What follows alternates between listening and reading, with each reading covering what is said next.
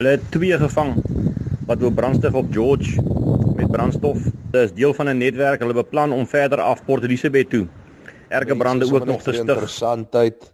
Hulle het so 2-3 ure terug twee ouens gevang met die 5 liter petrol by hulle.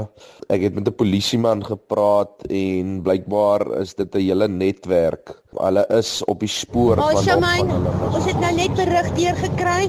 Hulle vra al die trokke moet stop wat deurkom nou is na toe die trokke word gehijack. Um, hulle word rot en kaal gesteel en dan word die trokke net so gelos. Die oomblik wat hulle op die highway is, Um, 'n Senior lektor in media studies by Wits, Dr. Glenda Daniels, sê die verspreiding van die waninligting oor die Nysna brande is nie noodwendig moetswillig bedoel nie.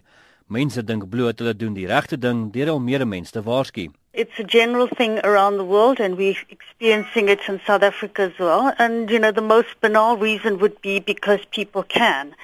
In other words, technology is an enabler of um, the spreading as they see it of news. They think they could be helping a situation by spreading something, or in other instances, they could also be thinking, I'm going to get more followers by retweeting. So my view is people should be very, very, very careful when they press the retweet button because they could be creating panics. So they actually just end up making things worse.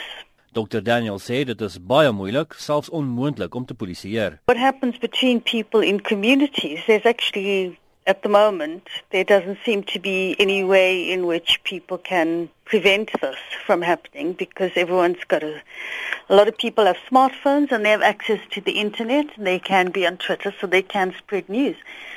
And um, in the end, it's really people who are vulnerable that can't see the difference between fake news and misinformation and propaganda and bias and real news that become the victims of this.